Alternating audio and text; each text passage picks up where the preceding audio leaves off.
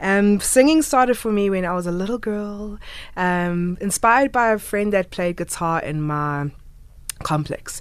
And I was like, that's really cool. And then I started to save money and sit on my edge of my bed and play my guitar and sing. And then my dad started going, You got a voice, my girl. And I was like, No, daddy, I don't, you know? and then he just said, No, I've got to send you to singing lessons. And that's kind of where the it really started. I was I think I was about 11 years old. Carmen sing nie net nie, maar sy skryf ook haar eie liedjies. it's all about life experiences and us girls you know we all have those special moments with boys and uh, i've had unfortunate ones so i've written all about that but it's done on a good purpose to help those others mm. out there that have really been through those hard times and i just want to say you're not alone girl or guys you've got, i've got your back my aim has been to completely go at the heart and talk from the, the heart um, i do have a songwriter producer that I work with, and he has written songs for a lot of people all around the world, and he's taught me a lot and um, guided me right through it all. So I'm very, very honored to have that experience with him. And yeah, it's been simple and easy since then. it's been enjoyable, I must say. Carmen het 4 jaar gelede besluit om voltyds haar loopbaan te volg as musikant. Maar wat het sy tot op daardie stadium gedoen? I was in sales, baby. Oh, okay. can yeah. you can you sell snow to an Eskimo? I would love to say I can, but you know, some people um, don't like certain things, and you, I'm not that person who likes to force. Yeah. So you either like it or you're not, and um, did very well in it. Not going to say I didn't. Had a great lifestyle um, through my sales experience, and it's taught me a lot about believing in your products and believing in what you are selling. And this is exactly what it's like in your own um, brand of mm. music. It taught me to listen to other people's advice.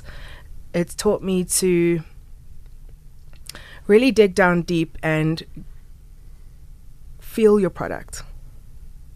You got to really feel what the brand is about. You got to go deep inside and you've got to talk to it and you've got to say, Who are you? What do you want to do? and the long story short, um, being confident, your self confidence is a, is a major thing. And um, I had a great product I was selling. I believed in it. I think the whole world does. But at the end of the day, it really, really made me grow mm. as a as a human being. And uh, believe is my motto. believe, baby. Dis 'n groot besluit om jou dagwerk te los en voltyds musiek te maak. Daar is 'n risiko daaraan verbonde. So, wat was die finale besluit vir Carmen? Hoe het sy uiteindelik hierdie besluit gemaak? I went overseas to uh, the USA in a competition and um, I sang on behalf of South Africa. I entered with my song Pure, one of my originals, and uh, we sang for I sang for two minutes.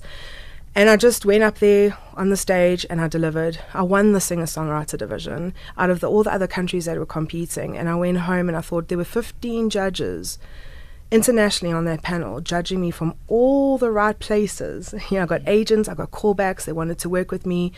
I came home, I had the job, and I started getting a lot more singing jobs through it. And those became a bit more of a demanding factor in my life. And I thought, okay, all right, I can do this. And I want more. And I had to say no because I had shift work, you know, working, I work was working retail as well on top of it all. So those retail hours really took over. And um, then a friend said to me, you know what you'd do really well in? I was like, what's that? And he's like, you're so good with people and you're so good with kids and you should teach singing. And I was like, I'd love to, I'd love to. And I did. I just decided enough. I want to do something real with myself. Life is so short. My dad unfortunately passed at the age of 57 with cancer. And that just taught me, hold on, am I happy? Am I going to live the life that I want to live? Let's make some changes. And you're never too old, number one. Life is way too short. Enjoy it. Be you. Never, ever, ever, ever change for anyone. And just take that jump. I've written a song called Learn to Fly.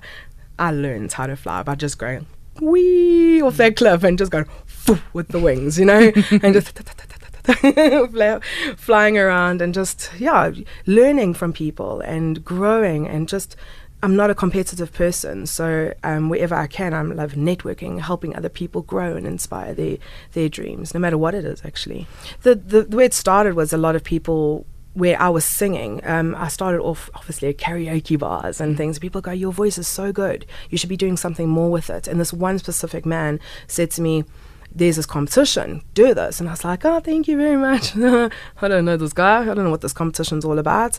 And then the next night, he saw me again. He's like, did you enter? It's the last night. You know, it's like, okay, okay, let me enter. So he actually grabbed his phone and phoned the director and he says, you will make a mistake if you don't enter this girl. So he goes, okay, fine, send a clip in of you singing. So I did. And he's like, you, you need to go through to Joburg because you've missed the, the KZN one. You have to go to Joburg. So I did.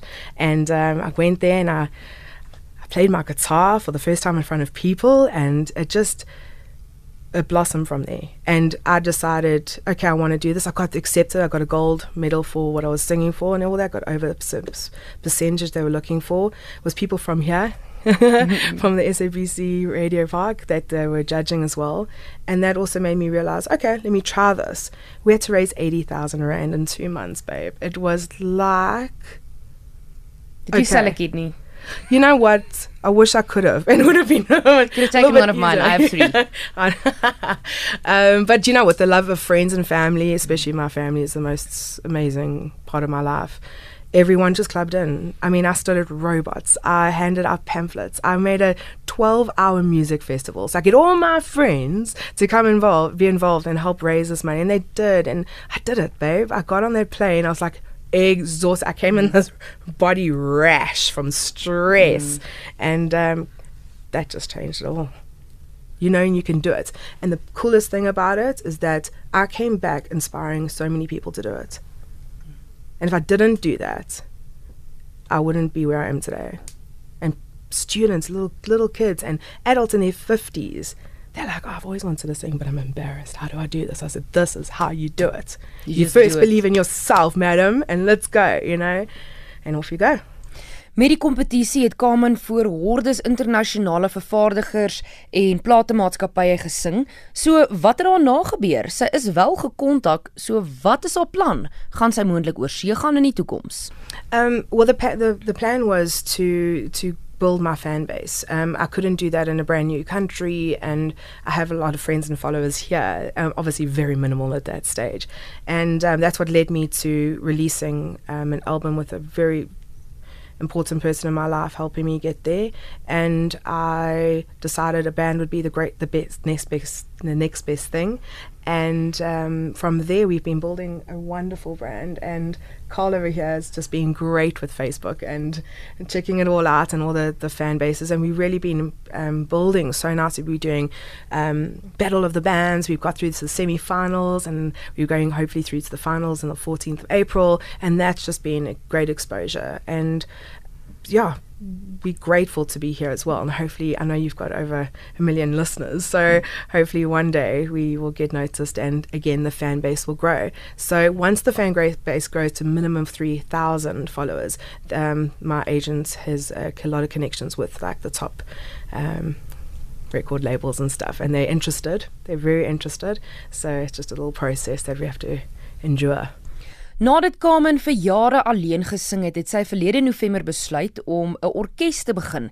Sy het 3 ander lede mans wat saam met haar speel en twee van hulle het in die ateljee kom kuier, Kaal en Chris. Kaal vertel waar sy liefde vir musiek vandaan gekom het en hoe hy by die groep geëindig het. Music has always been in my blood. Um from the age of 4. Um I started drumming at about 6 and then I moved to guitar because I didn't have any passion. But then I realized that guitar just wasn't for me. Sorry, Chris. Um, so then, um, because I lived in Ireland at the time, um, and then I moved over when I was nine, and um, my mom met um, uh, John. He's now my stepdad, and he was very in the music industry, and he helped me get back into the drums. And um, I was very nervous to um, approach the Carmen Rodrigues band, but they actually um, invited me in, and I wasn't used to the corporate scene. But um, it's actually beca- um, become really, really fun. So yeah. Die hoofgitaarspeler van die Carmen Rodriguez band is Chris en hy het ook 'n baie interessante storie oor hoe sy lewe 'n draai geloop het totdat hy by die Carmen Rodriguez band aangesluit het. I started playing guitar around the age of six. Uh, not really that many musical people in my family. It just sort of caught on with me. My mom saw it and thought, hey, you know what? Go with it. And she made sure every weekend, even though I hated it, I went to classical guitar lessons for about seven years. And it, it paid off because I had the I then had the theor- theoretical knowledge to sort of grow and expand from there. All I really did musically after that was some high school musicals, and then my my interest started to shift into more the design aspect of things. So I did some graphic and some web design for for a company, later breaking off and going freelance. This was in 2017. The reason for that being because I just found that I'd spend too much time, you know, I blinked and I'd lost two years sitting behind a desk. And I realized, well, this isn't what I want to do, you know? Uh, I, I spend hours while I'm working watching videos on YouTube of bands and live concerts and just longing, wishing to be them to be the part of that process. So I took a plunge. I had a bunch of money saved up, and I quit my job and decided to go freelance back in 2017. Slow start, obviously, often is, and I just started to put my feelers out there for music, which was also a very, very slow process to build up. And for a long time, I actually felt very disheartened in that I felt like I was on the outside looking in because I didn't really have any in contacts. And what ended up happening was my mom, who works in a canteen in a factory, was talking to one of the bosses whose daughter knew an agent who knew someone who knew someone and ended up putting me in contact with another big Durban musician who was looking for a guitarist at the time. And we spoke, we jammed together, didn't really go anywhere. From there, he gave my contact to Carmen, and by this point I was very disheartened. Um, I, I'm I'm on LinkedIn looking for jobs in the graphic design field. I'm getting calls from an unknown number. I'm ignoring it. Eventually, this is Carmen. I don't know this. Carmen's Mm. trying to get hold of me, and then she sends me a message on WhatsApp, basically saying, "Dude, I'm trying to get hold of you. Answer your phone. Answer your phone." Assistant me. and yeah, she she pitched the idea of the band to me, and it was just, you know, I was at a really low point, and it just sort of found me, and I had a choice. I could either go back to the grind, which is definitely there, or take a chance on what has turned out to be a fantastic experience. This was back in around September. We started playing together, and I haven't looked back since. I've loved every moment of it. Carmen hoop om binnekort 3000 aanhangers te hê. So, as jy wil deel word van daai aanhangers, hier is haar besonderhede vir sosiale media. Well, definitely Facebook is our main domain at the moment. Uh, it's the Carmen Rodrigues band. Um, Rodrigues is with a S. A lot of people think it's a Z, but I'm Portuguese, so it's, a Z, it's an S. And um, we do have an Instagram page that we are slowly building up, and that's Carmen R Music. Um, someone took Carmen Rodrigues, so I don't know. and give it back.